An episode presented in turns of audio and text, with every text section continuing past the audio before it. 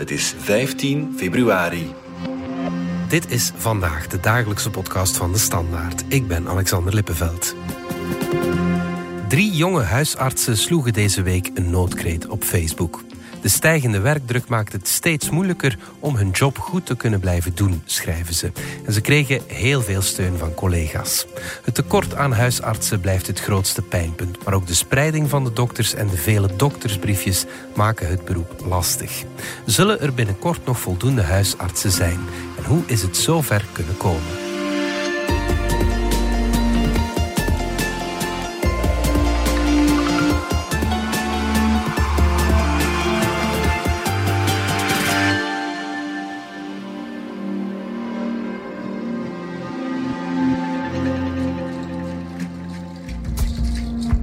Is en blijft een heel mooie job, maar het is vooral alles er rond en de druk die op onze schouders komt, die, die ervoor zorgen dat het moeilijk wordt. Hè. En die er ook voor zorgen dat we waarvoor we het doen, minder goed kunnen doen. En dat, dat wringt. En we merken de laatste tijd dat er enorm veel signalen komen. De collega's zitten echt op hun tandvlies of hebben zelfs geen tandvlies meer.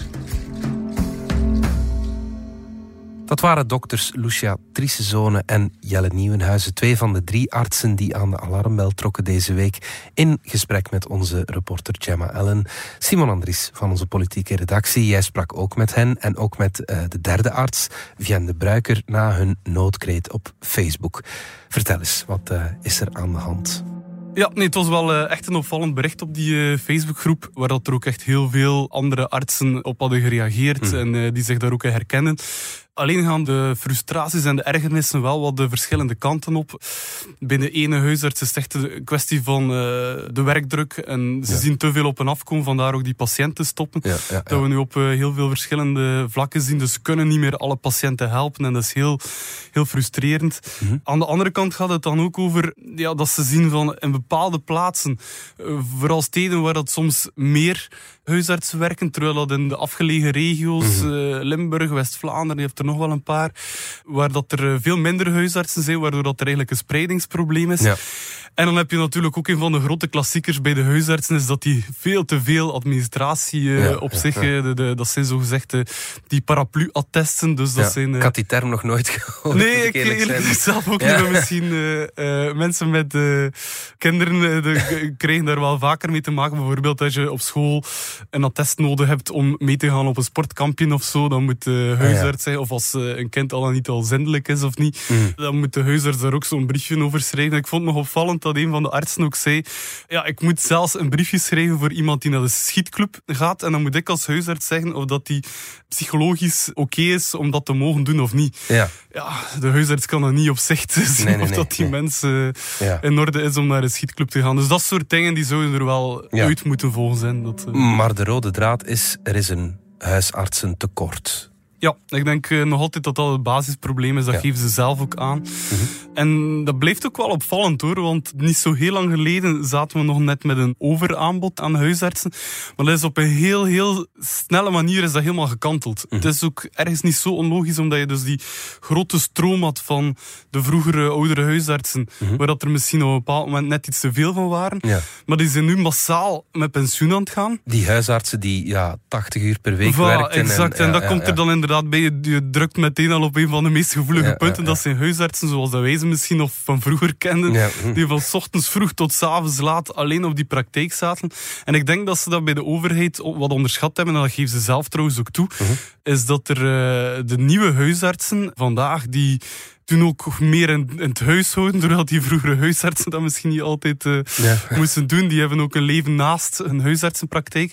Die gaan meer deeltijds werken, werken meer in een praktijk, waardoor dat ze net iets sneller eh, verlof kunnen pakken en dat ze meer kunnen eh, aan elkaar overlaten. Dus de nieuwe werkvorm die volledig normaal zijn, hè, Ja. herkennen ze allemaal nu, Ja, die hebben een grotere impact dan dat de overheid op dat moment had ingeschat, waardoor dat die uitstroom te groot is en de instroom te traag komt. En dan krijg je nu op dit moment wel een probleem. Ja, want op dat moment dan bedoel je in 1997 toen er maatregelen genomen zijn om het ja, huisartsenoverschot eh, terug te dringen hè, voor de Ja, klopt. Nu moet dus ja, het omgekeerde gebeuren. Er moeten meer huisartsen aan de slag. Even luisteren naar een uh, fragment van uh, dokter Sophie Lemmes uit de tafel van 4 uh, op Play 4. Een fragmentje van twee jaar geleden. De rol van de huisarts moet terug gedefinieerd worden. Wij zijn daar echt van overtuigd, zodat inderdaad op de eerste plaats de zieke mensen die ja, maar... medische opvolging nodig hebben, hun plaats kunnen hebben. Dat interview heeft wel wat losgemaakt, hè Simon? Ja, absoluut. Tot uh, de dag van vandaag, eerlijk gezegd, toen ik ook met die uh, drie huisartsen ging praten, kwam dat opnieuw naar boven. Dus uh, dat heeft toch een gevoelige snaar geraakt. En het is niet dat ze zeggen dat de overheid helemaal niets doet, mm -hmm. maar ze voelen zich wel absoluut niet gehoord of niet voldoende mm -hmm. gehoord door Frank van den Broeke. Dat je merkt dat dat gevoel nog altijd leeft van ja, hij doet wel iets, maar hij luistert niet naar ons op het terrein en uh, hij doet maar zijn eigen ding. Ja, oké. Okay, ja. Minister van Volksgezondheid Frank van den Broeke schreef nu, na die noodkreet van de drie artsen op Facebook, een open brief. Onze collega Yves leest een stukje van die brief voor. Beste huisartsen, jullie zijn een essentiële schakel in een goede gezondheidszorg. En ik neem jullie signalen ernstig. Ik begrijp dat dit in jullie ogen vaak te traag gaat. Ik begrijp ook dat de informatie vaak onvoldoende doorcijpelt en dat jullie soms onvoldoende tijd hebben om met de veranderingen aan de slag te gaan. Maar dat mag ons niet beletten vooruit te denken. Meer van hetzelfde zal geen oplossing bieden. Simon, hoe werd die boodschap onthaald? Absoluut, het is eigenlijk ook naar aanleiding van uh, ons artikel dat hij uh, die brief had geschreven naar de drie huisartsen, waarin hij zegt ook van een beetje charme-offensief dat hij zegt van ik heb jullie hartekreet gelezen en ik, uh, ik begreep het volledig. -hmm. Maar de belangrijkste boodschap dat hij in die brief ook geeft van ja, de verandering gaat te traag. We zijn ermee bezig om het allemaal op te lossen, maar het gaat te traag en ik begrijp dat dat voor jullie op dit moment nog niet het grote verschil maakt op het terrein. Nee, en dan geeft hij vervolgens ook op zijn Van den Broekes een uh, uitgebreid overzicht van wat dat er eigenlijk in de stijger staat van ja. wat dat de overheid al doet. Ja, vertel uh, eens, wat, wat ja, uh, doet de overheid al? Ja. dat is eigenlijk wel redelijk veel hoor. Het is, is zeker niet, denk dat de huisartsen ook niet kunnen ontkennen dat Van den Broeke wel heel sterk bezig is met die huisartsen. En een van de belangrijke dingen dat hij nu de voorbije jaren heeft gedaan is de New Deal voor de huisarts. Ik probeer het wat kort uit te leggen nu, maar dat komt erop neer dat de huisartsen een nieuw financieringssysteem wil steken, waardoor dat ze kunnen beslissen om niet meer per prestatie betaald te worden, of niet meer volledig per prestatie te betaald te worden, maar ook een deel forfait te krijgen, waardoor dat ze een praktijk kunnen uitbouwen met niet alleen maar zichzelf te betalen, maar ook een verpleegkundige erbij te nemen, een psycholoog erbij te nemen. Je hebt nog een aantal voorbeelden waardoor dat gewoon een huisarts, als er een patiënt komt, kan zeggen van kijk, ik zie dat je dat probleem hebt. Dat zal meer een mentaal probleem te zijn. Ik stuur je onmiddellijk door naar ja. de psycholoog ja. in onze praktijk. Een meer totale uh, aanpak. Uh, ja, ja, absoluut. absoluut Waardoor dat uh, Kinesisten bijvoorbeeld hebben daar ook een rol ook, Absoluut, dus die kunnen er ook allemaal of alleszins doorverwijzen. En uh, dat Van den Broek ook zegt van kijk, dat is ook een manier waarop dat ik de werkdruk van jullie wil weghalen, omdat ja. jullie dan vooral delegeren in plaats van een... En dan moeten we daar onmiddellijk bij zeggen, er zijn wel uh, al huisartspraktijken die daar nu al mee aan de slag gaan, maar er is ook wel heel wat wantrouwen voor dat nieuwe systeem. Mm -hmm. Omdat huisartsen zelf ook zeggen van ja, we hebben het mooiste beroep ter wereld. Alles komt wel bij ons terecht, ook het psychologische, maar die doen dat ook soms graag. Maar je hebt natuurlijk ook gewoon nog heel veel huisartsen die nog op die oude manier werken. Ja. En die zich wel wat in de steek gelaten voelen. Die denken, ja, maar dit is niet voor ons. Nee. Dan zegt Van den Broeke ook wel, ook voor hen heb ik echt wel extra budgetten uitgetrokken. En uh, we kijken ook wel om die huisartsen ook nog die werkdruk te verlichten door bijvoorbeeld prikken te laten zetten bij de apotheek en niet meer bij de huisarts zelf. Maar op dit moment kan ik wel begrijpen dat dat op het terrein nog niet zichtbaar is. Ook die New Deal is nog maar in de kinderschoenen. Er zijn nog niet heel veel huisartspraktijken die er al ingestapt zijn, dus het is geen snelle oplossing. Dokter Jelle Nieuwenhuizen zegt daarover: luister vooral naar de artsen zelf. Het is een complexe problematiek en wij begrijpen dat ook, dat dat niet met enkele ingrepen op te lossen valt. Maar onze bedoeling van die hulpkreet was voornamelijk van luister naar ons, wij zitten in het werkveld. Nog een maatregel die Van den Broeke nam, Simon, is de hervorming van de huisartsenwachtposten. Maar ook dat werkt niet overal even goed. Hè? Van den Broeke wil net ook om die werkdruk te verlichten voor de huisartsen die wachtposten op grotere schaal uitrollen. Dus dat je met een veel grotere populatie, ik denk van uh, 300.000 patiënten, oh, werkt. En dat die huisartsen dan dus op grotere schaal kunnen samenwerken. Maar dan kijken we bijvoorbeeld naar die regio aan de kust, waarvan dat ze zeggen, ja, dat zal goed bedoeld zijn, die eh, huisartsenwachtposten, dat hij helemaal vernieuwd heeft. Mhm. Maar voor ons op het terrein is dat gewoon onmogelijk. Om aan een populatie van 300.000 patiënten te geraken, moeten wij al van Diksmuiden tot Ieper, tot Torhout, tot uh, De Pannen, tot Middelkerken. Als wij die afstanden moeten afleggen... Dat is een gigantische regio. bijna onmogelijk. En dan zeggen ze, dat is misschien wel goed voor ons als huisarts. Ja. Maar we hebben er niets aan als wij van Middelkerken tot Torhout moeten rijden en tegen dat we in Torhout uh, zijn aangekomen dat die patiënt daar dood ligt. Uh, Dan hebben we daar als huisarts ook niet veel aan overgehouden. Dan voelen we ons daar ook slecht bij. En doordat die huisartsenwachtposten in minder stedelijke gebieden zo ver uit elkaar liggen, slaat het effect door op de spoeddiensten van ziekenhuizen. Dat zeggen Jelle Nieuwenhuizen en Lucia Trissezone. Wij denken niet dat er een patiënt een spoeddienst zal voorbijrijden om 20 kilometer verder naar een huisartswachtpost te gaan. Wij denken dat er heel veel patiënten, er zullen er zijn die naar de huisartswachtpost zullen gaan, maar er zullen ook heel veel patiënten zijn die zich rechtstreeks op spoed zullen aanmelden. En dan verleggen we het probleem, want dan wordt de spoeddienst weer overbevraagd. Dan hebben die minder tijd voor de echte spoedpathologie, wat eigenlijk nu ook al aan het gebeuren is. Zijn er wel genoeg huisartsen, Simon? Is, is dat niet gewoon de oorzaak, de, de wortel die aangepakt moet worden? Worden er nog genoeg ja. dokters, huisarts? Ja, dat is eigenlijk wel het opvallende. Zeker de laatste jaren komen er al meer huisartsen, of zijn er al meer huisartsen dan er vroeger waren. Ah dus, dus, op zich, qua aantal, zijn er al meer dan vroeger. Ja.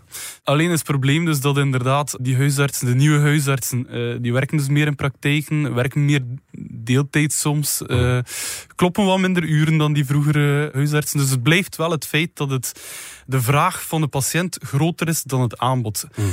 Wat dat daar dan ook nog bij komt, er zijn er misschien wel meer dan vroeger huisartsen, maar ze zitten wat te veel in die grote steden. Veel jonge huisartsen die zeggen van, goh, ik blijf liever plakken in de grote steden. Het hmm. is soms ook gemakkelijker. Ik denk, een van de huisartsen aan de kust zei ook van, het is een beetje een vicieuze cirkel aan het worden, want we zijn hier met minder, hè, want we krijgen minder huisartsen naar onze streek, mhm. waardoor dat we meer wachten moeten doen s'nachts. Ja. Waardoor dat die nieuwe huisartsen dat zien en zeggen van oei, meer wachten, dan kies ik wel voor een streek waar dat er meer huisartsen zijn en dat ik minder wachten moet doen. En zo houdt het systeem zichzelf een beetje in stand. Ook daar heeft de overheid eigenlijk al nog maar vorig jaar beslist om die quota open te stellen en veel meer artsen toe te laten tot de opleiding. Waardoor dat binnen x aantal jaar er ook wel veel meer huisartsen op die markt zullen komen en dat ook wel zal opgelost zijn. Maar opnieuw, een snelle oplossing is, dat weer niet. En uh, daar zijn de huidige huisartsen niet mee geholpen. Dus, nee, uh... Het is ook niet zo eenvoudig als simpelweg een quotum opleggen. Dat zeggen Lucia Trissezone en Jelle Nieuwenhuizen. Minister Van den Broeke zegt dan wel van ik verhoog de quota, maar hij heeft tot op vandaag eigenlijk nog geen antwoord kunnen geven op het feit van heb je dan subquota voor huisartsen en wat ga je dan doen? Stel dat je 100 mensen, ik zeg nu maar, aanvaardt van kijk je mag de opleiding geneeskunde beginnen, gaat hij dan zeggen van minstens zoveel daarvan moeten huisarts worden en moeten die mensen dan tegen hun zin huisarts worden?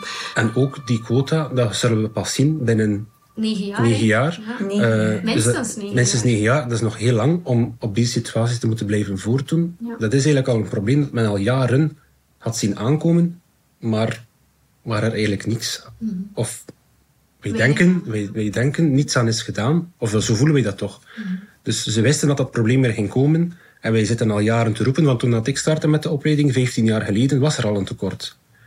Mhm. En intussen zijn we 15 jaar verder. Straks kijken we verder naar de werkdruk eh, die op de schouders van de huisarts rust. Maar eerst gaan we er even uit voor reclame.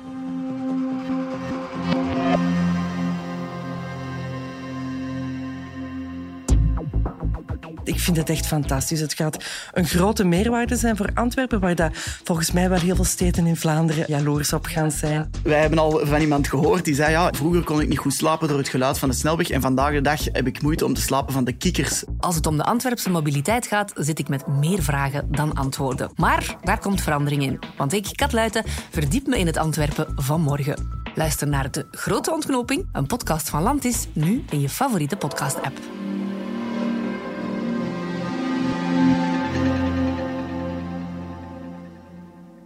Wij zijn te toegankelijk. Alles komt naar ons.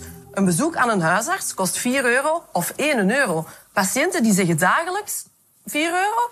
Oh, kom ik wat vaker naar hier, zeg. Voor 4 euro. ja, ik kom met u een babbeltje doen vandaag, want jij kost 4 euro, de psycholoog kost er 60. Dat kan ik niet betalen. Maar ik kom voor u voor uh, gewichtsopvolging. De diëtiste kost 60 Sophie. euro, kan ik niet betalen. Sorry. Wij komen naar u. Simon, Sophie Lemmens, die we daarnet al even hoorden, zei bij de tafel van vier al tegen minister Van den Broeke dat huisartsen te toegankelijk zijn geworden. Leg dat eens uit. Ja, dat is ook eh, iets eh, dat heel sterk leeft bij die huisartsen. Is aan de ene kant, want de huisartsen die ik gesproken heb, zeggen ook van we moeten toegankelijk zijn. Het is eigenlijk is het een goede zaak Ja. dat eh, mensen en patiënten vinden heel gemakkelijk de weg naar de huisarts. hè. Dat gaan we allemaal zelf erkennen. Ja, dat de, de stap naar de huisarts is niet zo groot. Alleen, Zeker met die 4 euro remgeld Voilà, eh, stil- van vandaag. Ja, ja. En daar komt ook wel bij, want we moeten eerlijk zijn, dat is niet echt eh, wetenschappelijk bewezen of zo, dat die 4 euro er dan juist voor zorgt dat we te snel naar de huisarts gaan. Dat blijft denk ik eerder een gevoel van sommige huisartsen, want anderen zijn daar eigenlijk, we daar minder een probleem mee.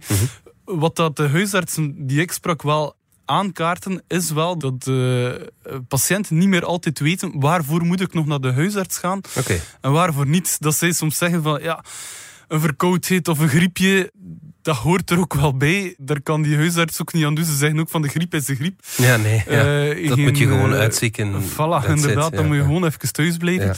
Eh, maar dat je natuurlijk wel... Aan de ene kant zeggen ze, patiënten proberen zich veel meer te informeren. Dus dat is de klassieke dokter Google. Ja. Iedereen begint op te zoeken. Ja. Denkt onmiddellijk dat hij weet wat dat is. Stap naar die dokter. Dat blijkt het dan toch niet zo te zijn. Dus ze zeggen, we moeten daar heel hard ook uitleggen Mm. Ja. wat dat dan echt aan de hand is. En dan komt er ook nog bij dat ze aanstippen dat na de coronacrisis, dat mensen ook wel... De angst is zo'n beetje toegenomen. De ongerustheid van zodra dat er iets is, Ja. dat ze ook wel denken van, ik, ik wil een diagnose van de dokter, ziet dat toch iets ergers is, dan, dan weet ik het tenminste. Hmm. Waardoor dat die stroom richting de huisarts ook wel eh, groter en groter wordt. Ja, ja, ja. Michiel Bos is sinds kort huisarts in opleiding. En ook hij merkt dat er heel snel een afspraak wordt gemaakt voor ja, banale klachten. Ik heb gemerkt dat heel veel mensen soms ehm, onnodig of heel snel naar de huisarts gaan. Vanaf dat ze een uur hoofdpijn hebben of een halve dag zich grieperig voelen, dat ze heel snel naar de huisarts komen. Dus ik denk dat sommige mensen echt wel moeten leren om ziek te zijn en om te weten wanneer dat ernstig genoeg is om zo ook het bestaand huisartsentekort niet te veel te belasten. Wat moet daar dan aan gedaan worden, Simon, aan, aan het feit dat mensen gewoon te snel Ja. naar de huisarts gaan? Ja, het, is natuurlijk geen gemakkelijke, want die huisartsen willen ook geen patiënt die wel iets ernstigs heeft en die, die dan toch niet naar de huisarts gaat. Wat dat zij vooral als eh, oplossing aanhalen is toch weer sensibiliseren. Ze vinden dat de overheid dat zo'n beetje losgelaten heeft, want in het verleden is het wel gelukt met antibiotica. Daar is toen een grote sensibiliseringscampagne voor opgezet en dat werkt wel. Ja, Ehm, ja, de mensen zijn daar ook tot besef gekomen van dat is niet de oplossing voor alles. Daarvan zeggen ze nu, dat kun je opnieuw doen. Dus dat is wel echt een expliciete vraag aan de overheid om, om daar toch werk van te maken, van Mhm. eh, dat soort acties. Ja. Dokters Trissezone en Nieuwenhuizen halen ook het belang van sensibilisering aan. Een hulp zou zijn dat de patiënt inderdaad meer geïnformeerd zou zijn. We verwachten niet dat de patiënt zelf arts wordt, maar hier en daar kleine ingrepen, kleine campagnes of grote campagnes liever, om de patiënt toch Ja, die ongerustheid wat, wat weg te nemen. En dat is ook iets dat we hebben gemerkt. Ik denk als we spreken over hoe kunnen we het oplossen nu, of hoe kunnen we beginnen aan een oplossing nu, dat educatie van de patiënt, dat zou wel een grote zijn, denk ik, dat je op korte termijn kan realiseren en waar dat de overheid een, een enorm belangrijke rol kan inspelen. Toch vinden de artsen het belangrijk om te benadrukken dat hun noodkreet vooral in het belang van de patiënt is. Wij willen voornamelijk een zo genuanceerd mogelijk Ja. beeld. Wij, wij vinden het soms jammer dat, dat als het artsenberoep in de media komt, dat het vooral een verhaal is van wij tegen de patiënt. Wij hebben geen tijd voor de patiënt. eh, wij willen niet meer veel werken. niet meer werken. De jonge generatie wil niet meer werken. Ik denk om een ganse generatie of twee generaties zelfs over de dezelfde kant te scheren en te zeggen, te bestempelen van Ze willen niet meer werken. Ik denk dat dat een beetje kort door de bocht is. Uh, en ik kan u verzekeren dat er zeker in, ik, kan, ik spreek voornamelijk dan over deze regio, geen enkele huisarts is die echt te weinig werkt. Simon, is er een oplossing die op korte termijn ja, de problemen kan aanpakken?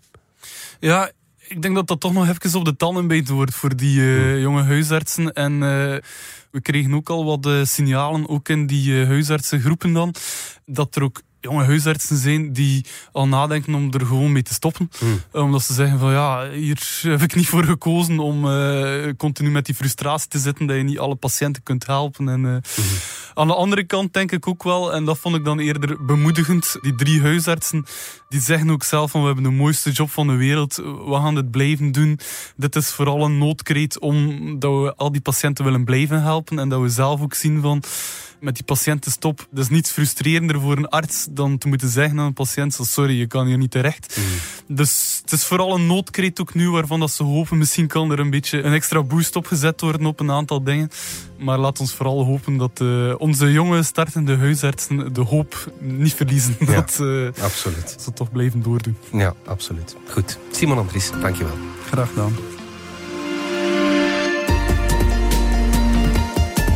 Dit was vandaag de dagelijkse podcast van De Standaard. Bedankt voor het luisteren.